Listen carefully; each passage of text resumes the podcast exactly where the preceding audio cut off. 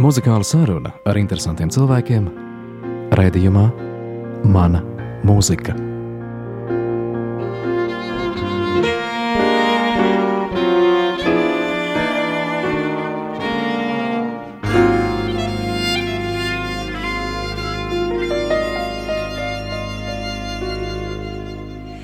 Šoreiz mūsu viesiņa raidījumā ir Anita Vanaga. Labdien! Labdien. Anita ir mākslas zinātniece, un daudz kur Anitas vārdu jūs varētu būt dzirdējuši. Un um, pavisam nesen grāmatu plauktā noteikti daudziem ir nonākusi grāmata Es nemiršu pēc Ilmāra Blumberga izstādes vai izstādes sakarā iznākusi grāmata. Un laikam nav vēl bijis mūsu raidījuma vēsturē tāda sākuma, kad mēs sākam ar mūziku, kuras nav? Mūzika ir bijusi. Mūzika ir bijusi, un par cik man ir visvairāk tādas profesionālās intereses bijušas saistītas ar scenogrāfiju, es domāju, ka arī šo sarunu es varētu sākt par operu Uzvaru pār sauli, kas vēsturiski tika pierakstīta dziniekam Aleksējam Kručoniham. Tā tas iznāca tāpēc, ka cenzūra apstiprināja viņa tekstu.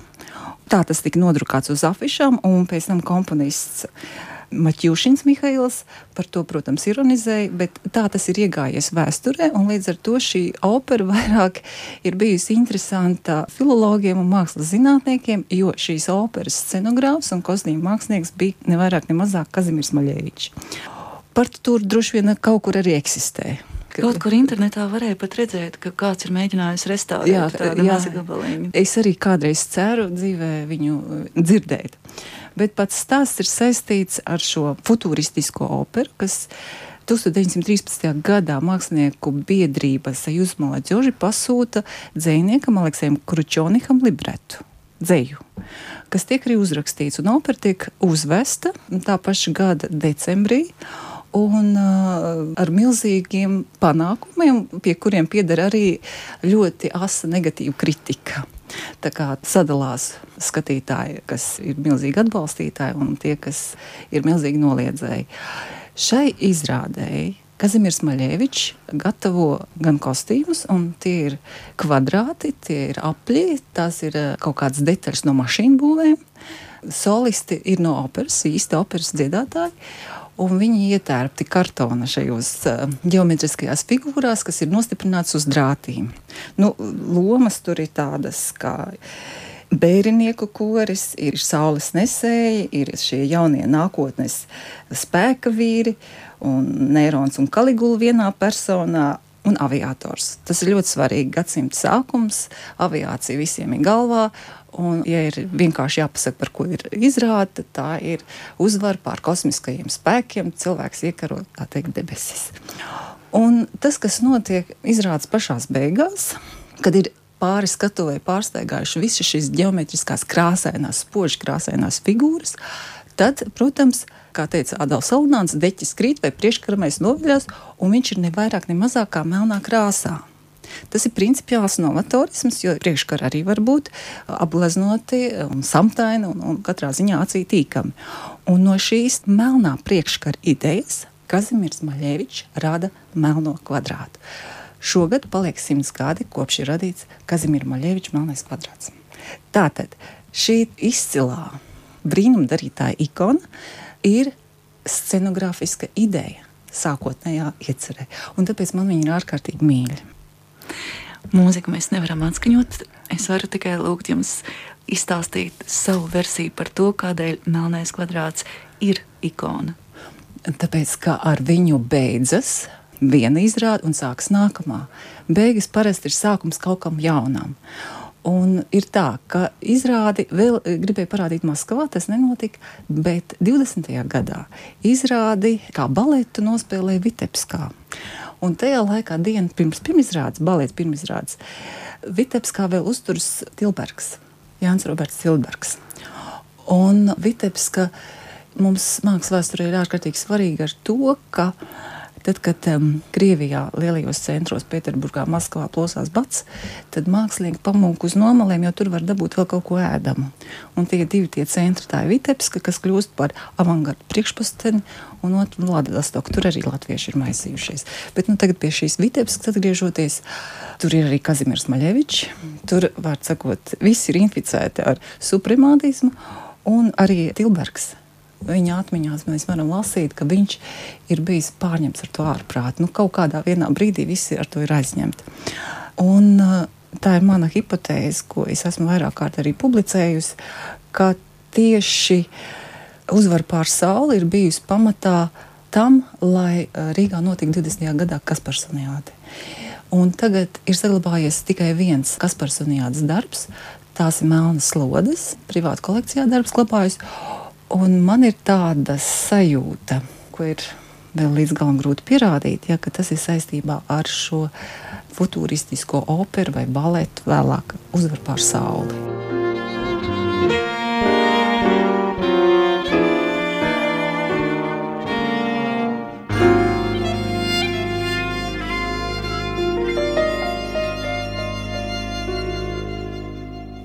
Bet mēs varētu turpināt par melno glezniecību. Melnā glezniecība bija ļoti svarīga pēc otrā pasaules kara Ņujorkā.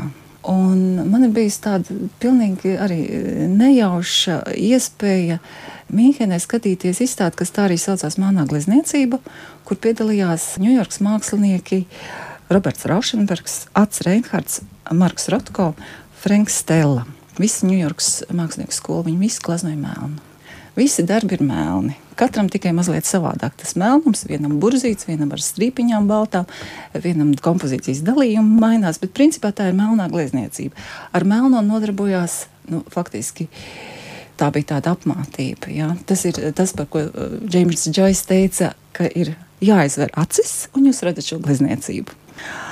No latviešiem šajā melnās glezniecības lokā trāpa Zigorts Vīdzirkste mākslinieks ārkārtīgi apdāvināts un arī ārkārtīgi daudzpusīgs, kurš savu eh, mākslu balstīja uz ķīmiju, uz matemātiku un uz mūziku. Mēs kopā ar gleznotāju Dainu Dagdīnu veidojām viņam izstādi aizrobežu mākslas muzejā, un uh, man bija iespēja kopā ar Dainu aizbraukt arī uz Ņujorku, iztaigāt šīs nu, vairs nesošās vīdzirkstes takas, tāpēc, ka viņš dzīvoja Manhetenē, un tagad viss tur ir aizbūvēts, un faktiski viņa darbnīca atradās tur, kur atradās pēc tam bēdīgi slavenie viņu torņi. Tās vietas vairs nav darbi ir nonākuši pateicoties Dainas Dagnijas dāvinājumam Latvijas Nacionālajā Mākslas muzejā milzīga kolekcija, tā saucamā kibernetiskā glezniecība. Sigurds Vidзirksti strādāja un pelnīja maizi, būdams audiovizuālais speciālists Federālo rezervi bankā. Man ir gadījies mainot eh, rāmjus Vidзirkstes darbiem, atrast viņa tās vizuālās kartes, kurās tiek demonstrēta, kāda ir dolāru plūsma dažādos gados, kā atšķirās. Un es, protams, spiedzēju sajūsmas, jo viņš tiešām bija arī matemātiski orientēts. Viņš arī mācījies Ņujorkas studentu līgā un bija saistīts ar šo Ņujorkas abstrakcionistu loku. Un, um, viņš sāk ar melnu, protams, tas bija kā likums. Melnēm bija jābūt. Viņam pieder nosaukums gleznai Melnā saule, kur ir aizguvis saliņš savam dzējoļu krājumam Melnā saule. Vīdzirkste bija Ellis ķēķa loka spožākais mākslinieks. Un viņš ierakstīja ar Ampeks lenšu magnetofonu gan Ņujorkas skaņas, visus trokšņus, klusumu, gan to, kā viņa draugs Lenārds Tauns lasa dzēju, gan teiksim, mūziku viņš ierakstīja. Un viņš apvienoja matemātiskās lietas, ļoti arī sarežģītas matemātiskās lietas, ar dažādiem ritmiem. Tas, ko viņš radīja savā glezniecībā, ja mēs skatām muzikālās analoģijas, tad tas būtu Stokhausens. Un te mēs varam runāt par pilnīgi divām tādām analoģiskām parādībām. Tātad ja Stokhausens ir melns, tad, manuprāt, nu, mēs varētu atskaņot kā pierādījumu, kāda varētu būt Zigorda Vīdzirksnes glezniecība, kur grūti izstāstīt, jo tā ir abstrakta.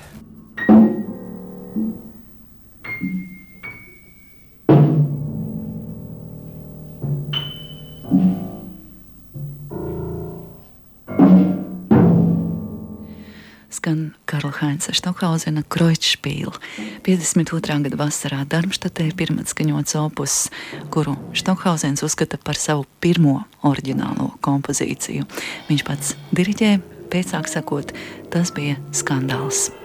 thank you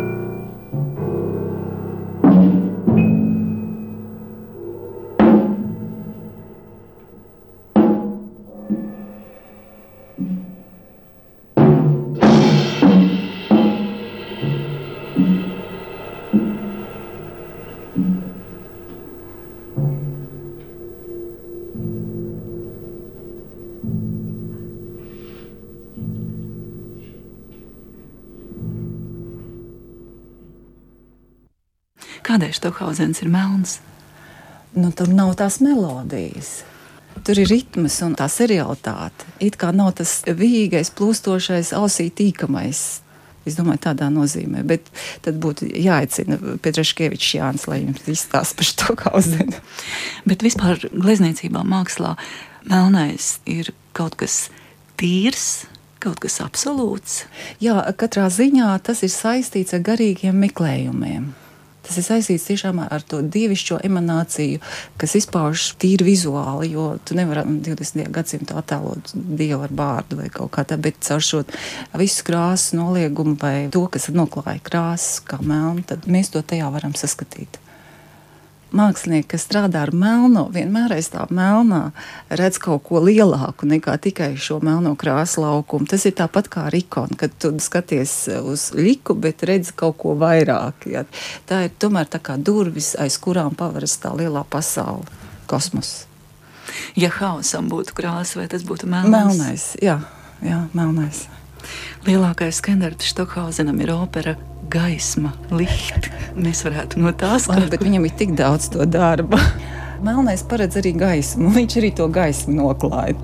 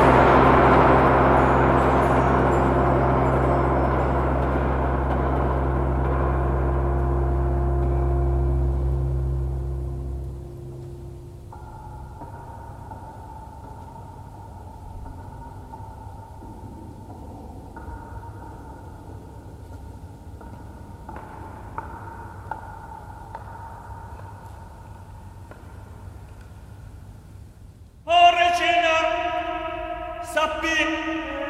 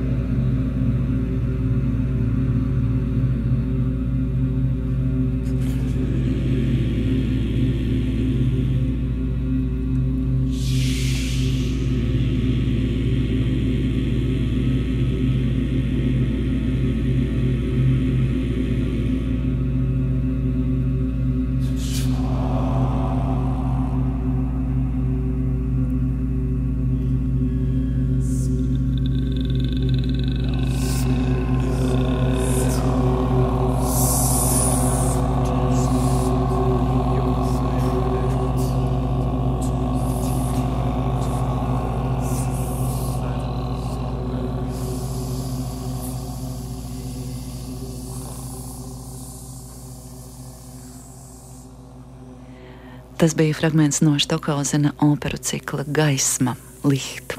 29 stundu gara ir šī opera katrai nedēļas dienai, un šī bija sestdiena ar Lucifera atvadām.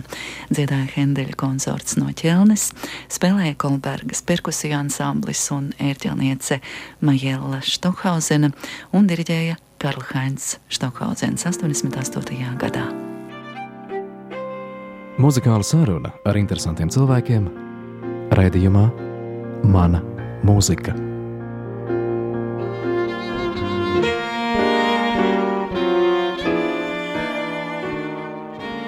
Mēs tiekamies ar mākslas zinātnieci Anitu Vanagu un klausāmies noktirni. Šopēna komponētu noktirni Dodies minorā, ko atskaņo Benjamins Groners.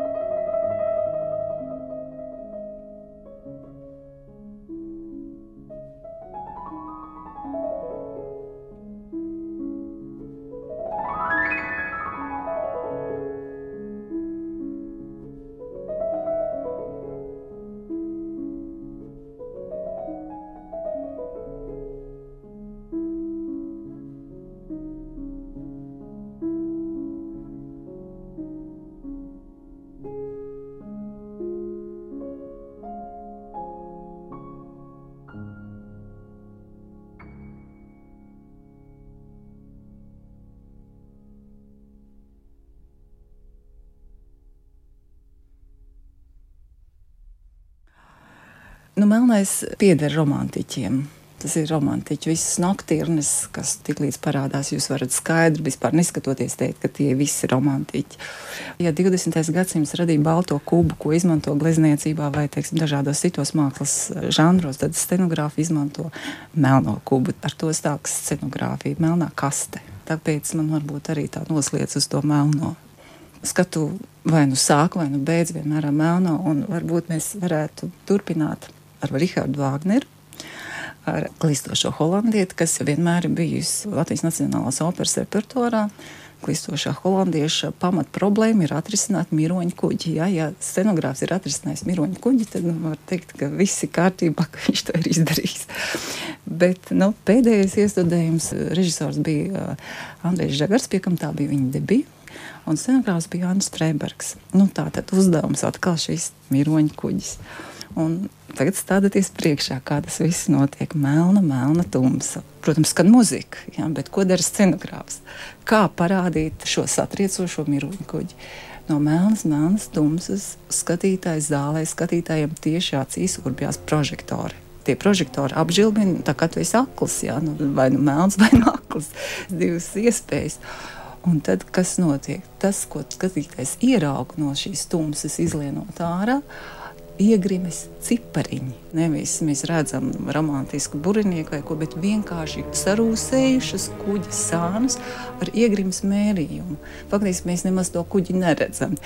Freibergs ir baigais blēds, viņš parāda tikai cipariņus. Vis, mums ir priekšstats par to, ka mūsu priekšā tagad ir piestājis operā milzīgs kuģis, no kur pa trapu nolaiž melnais holandietis Egils Liņa izpildījumā brīnišķīgs atrisinājums. Pēc tam, protams, parādās sarkanā krāsa un atklājas tā braka siena, un mēs tur redzam kolumbāriju ar līķiem.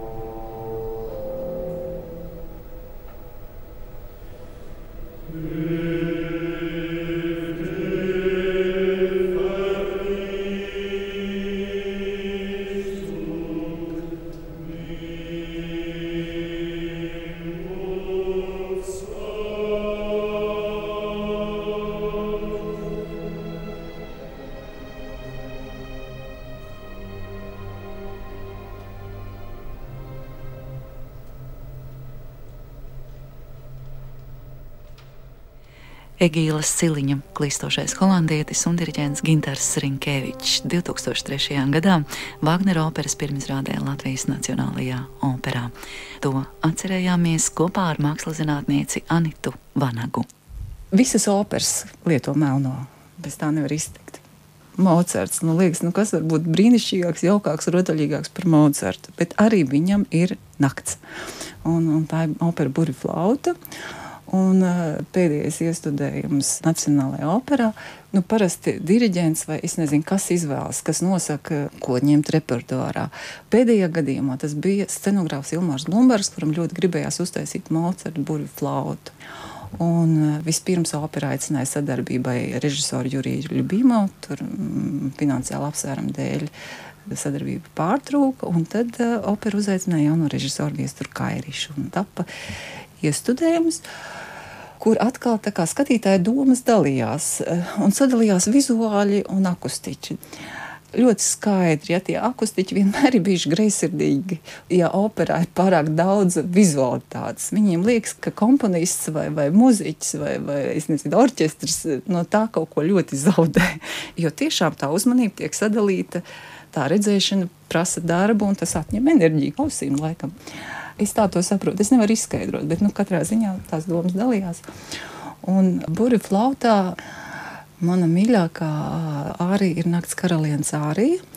Tur ir kaut kāds pilnīgi tāds kravas lifts iebūvēts iekšā, un kad tu klausies, tev tā sajūta ir, nu, ka tev ir jāsavaldās, lai nerautu līdzi. Un, un es atceros, ka jaunajā Rīgas teātrī gāja Dostojevski izrādes, kamera izrāda piezīmes no pagrīdes, kuras sižets norisinājās operas bufetē, un zēni jautrā prātā ir ieradušies operas bufetē aiz sienas, kad nakts karalietis arī, un viņi, protams, dzied, un zāle smējās, tāpēc, ka tik ļoti pazīstam tā sajūta, ka tu gribi vienkārši dziedāt līdzi, nevis pa mīnai vai papagēnai vai, vai vienalga. Tur ir daudz brīnišķīgi, bet šī nakts karalienes arī, nu, viņa paņem pilnīgi, ka tu vienkārši sēdi tajā operā un valdies. Ja, jo vienkārši tur ir kaut kāds tas mehānisms ielikts tāds no komponista, ja, kad rauj līdzi, ja, kad tu arī gribētu dziedāt līdzi. Protams, tur bija brīnišķīgi Blūmberga kostīmi, izcili. Nu, tas vienkārši ir jāredz, ja, kā tas ir, bet nu, mēs varam paklausīties un klausāmies Simones Kermeses nakts karalieni. Ar viņu kopā orķestris Koncerto Keln. So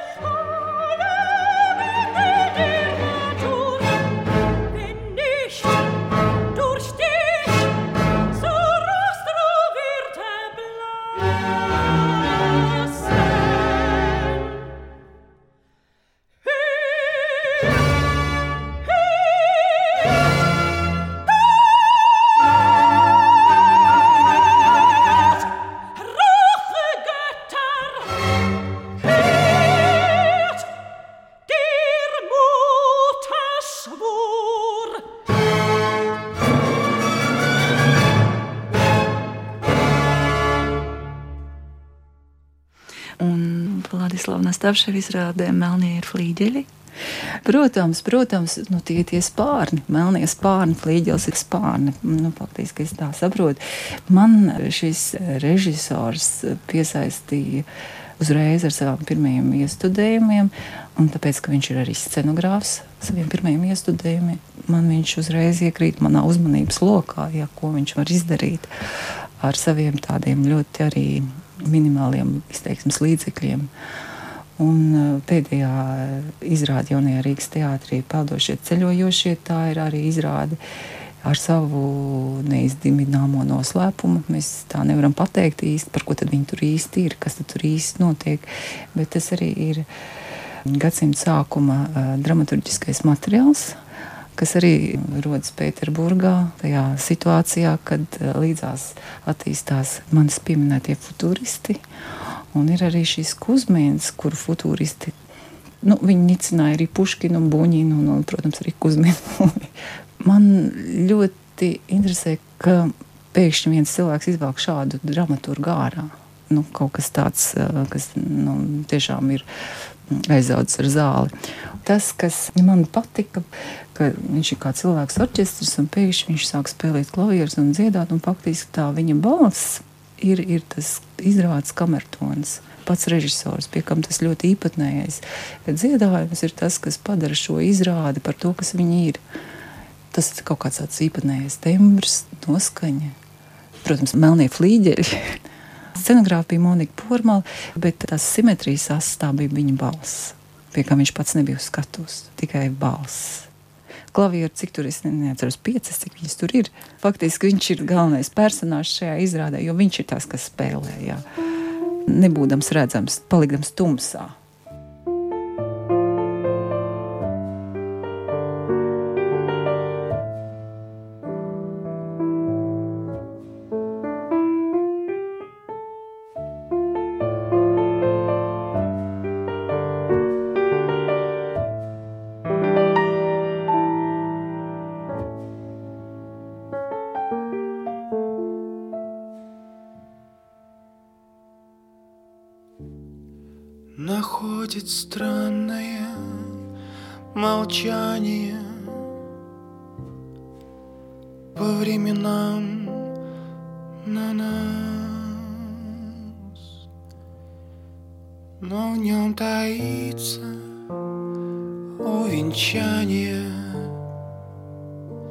Спокойный счастье час.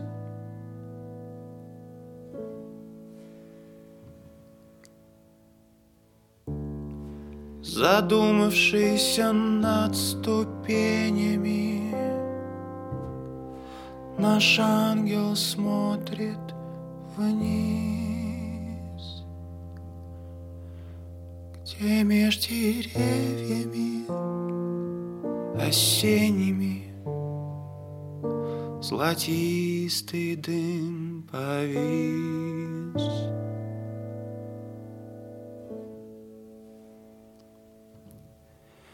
Затем опять наш конь пришпоренный Приветливо заржет И по дороге непроторенной Нас понесет вперед смущайся остановками, мой нежный, нежный друг. И объяснениями неловкими не нарушай круг.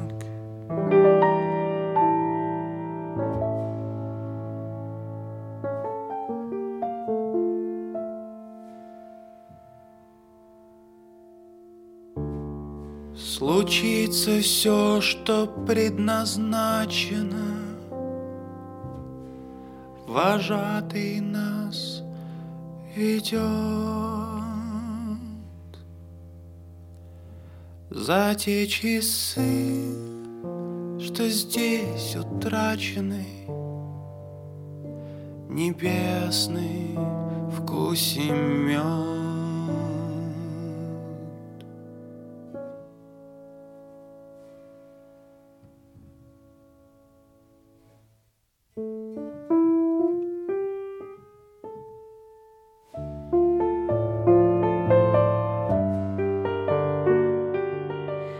Vladislavs Nastavševs jaunā Rīgas teātra izrādē pēc Mihaila Kuzmina romāna Peldošie ceļojošie.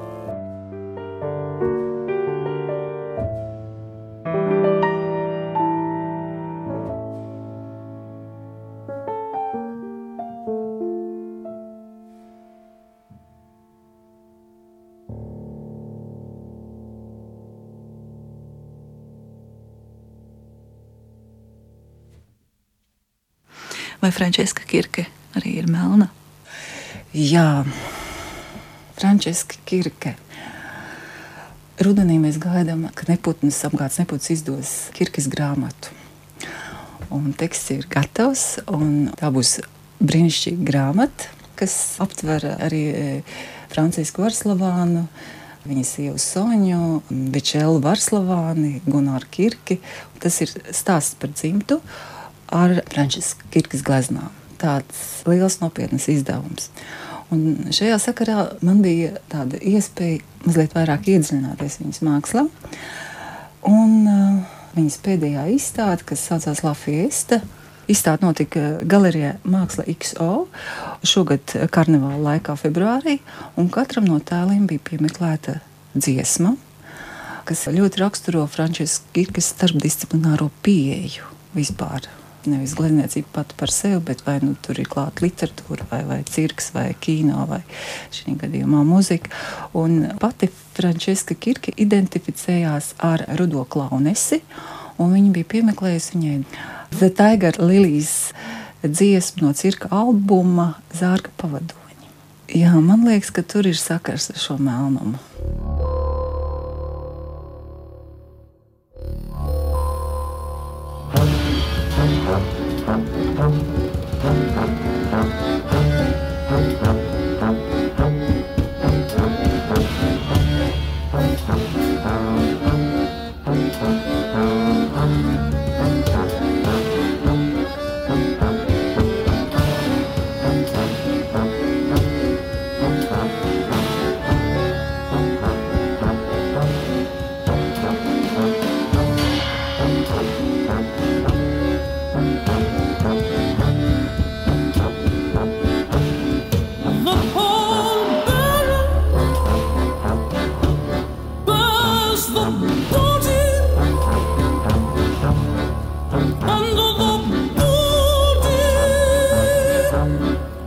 true.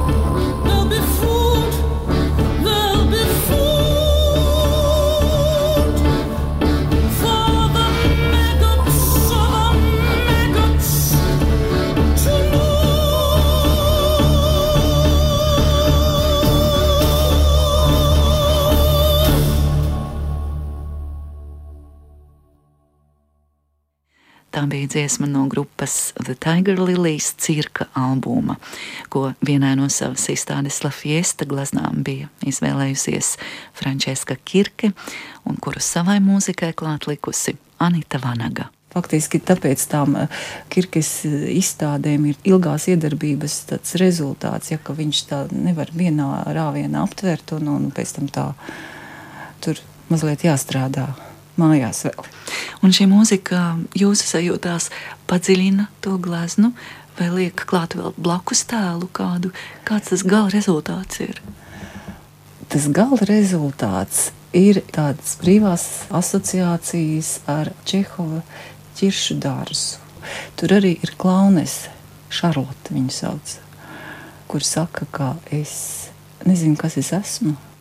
Viņa ir viens no skumjākajiem šīs lūgas tēliem. Nav arī īsti skaidrs, kāpēc Raņevska viņu vienmēr vazā sev visur līdzi, kāda viņai funkcija šajā dzīves lugā, ko viņa dara. Ja? Un man tas radās jau vēlāk mājās, klausoties šo zārku nesēju vai pavadoņu dziesmiņu, ja šī asociācija ar Čehovu, tās atvedas no, no dzīves. Vispār izstāde bija apakaliptiska ar visu to, ka tas ir karnevāls, ka notiek dzīves svinēšana un arī tas dramatisms, kas tur nāk klāt.